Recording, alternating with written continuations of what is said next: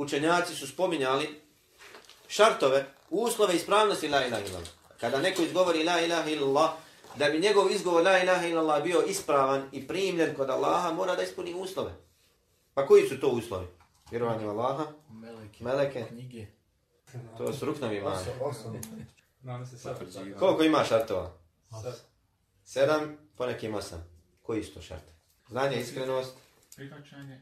prihvaćanje kabul, ljubav, to se dvije su- Znači, e, Potvrđivanje. potvrđivanje, pet, znači imamo još dvije. Jakin, čvrsta ubjeđenje i jedan kijat, potpuna pokornost. Potpuna pokornost. I neki dodaju, neki islamski učenjaci dodaju negaciju svih bož, lažnih božanstava. Znači da se odrekne svih lažnih božanstava. Znači da bi čovjek koji izgovaranje šehadeta bilo ispravno, ne mora poznavati na pamet ove, ove stvari, ali mora ih primijeniti u praksi.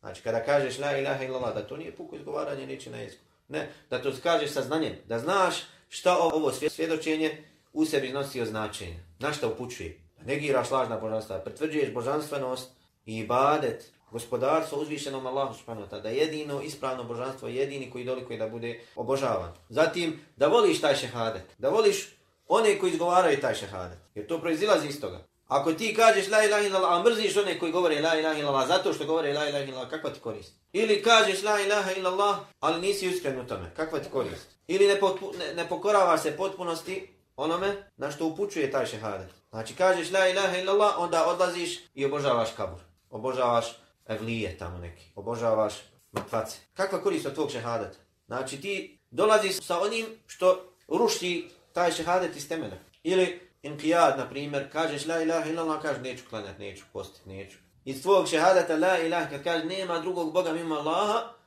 kada negiraš lažna božanstva i pritvrčiš pritvrđiš božanstvenost Allahu, onda je dužan da se pokoravaš uzvišenom gospodaru, koji ti je naredio ovo. Inače, uzeo si svoju strast i samog sebe si uzeo za Boga. Allah naređuje kad neću. Zamislite čovjek se zaposlio u firmu. Ja sam odani radnik. Dobro, idi završi ono, neću. Ide završi ono, neću. Idi kupi ono, neću.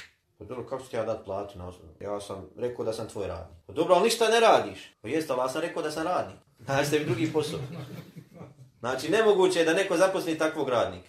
A Allah subhanahu wa ta'ala pripada najbolji primjer. Znači, čovjek kaže la ilaha illallah, onda što mu god Allah naredi, on to odbija.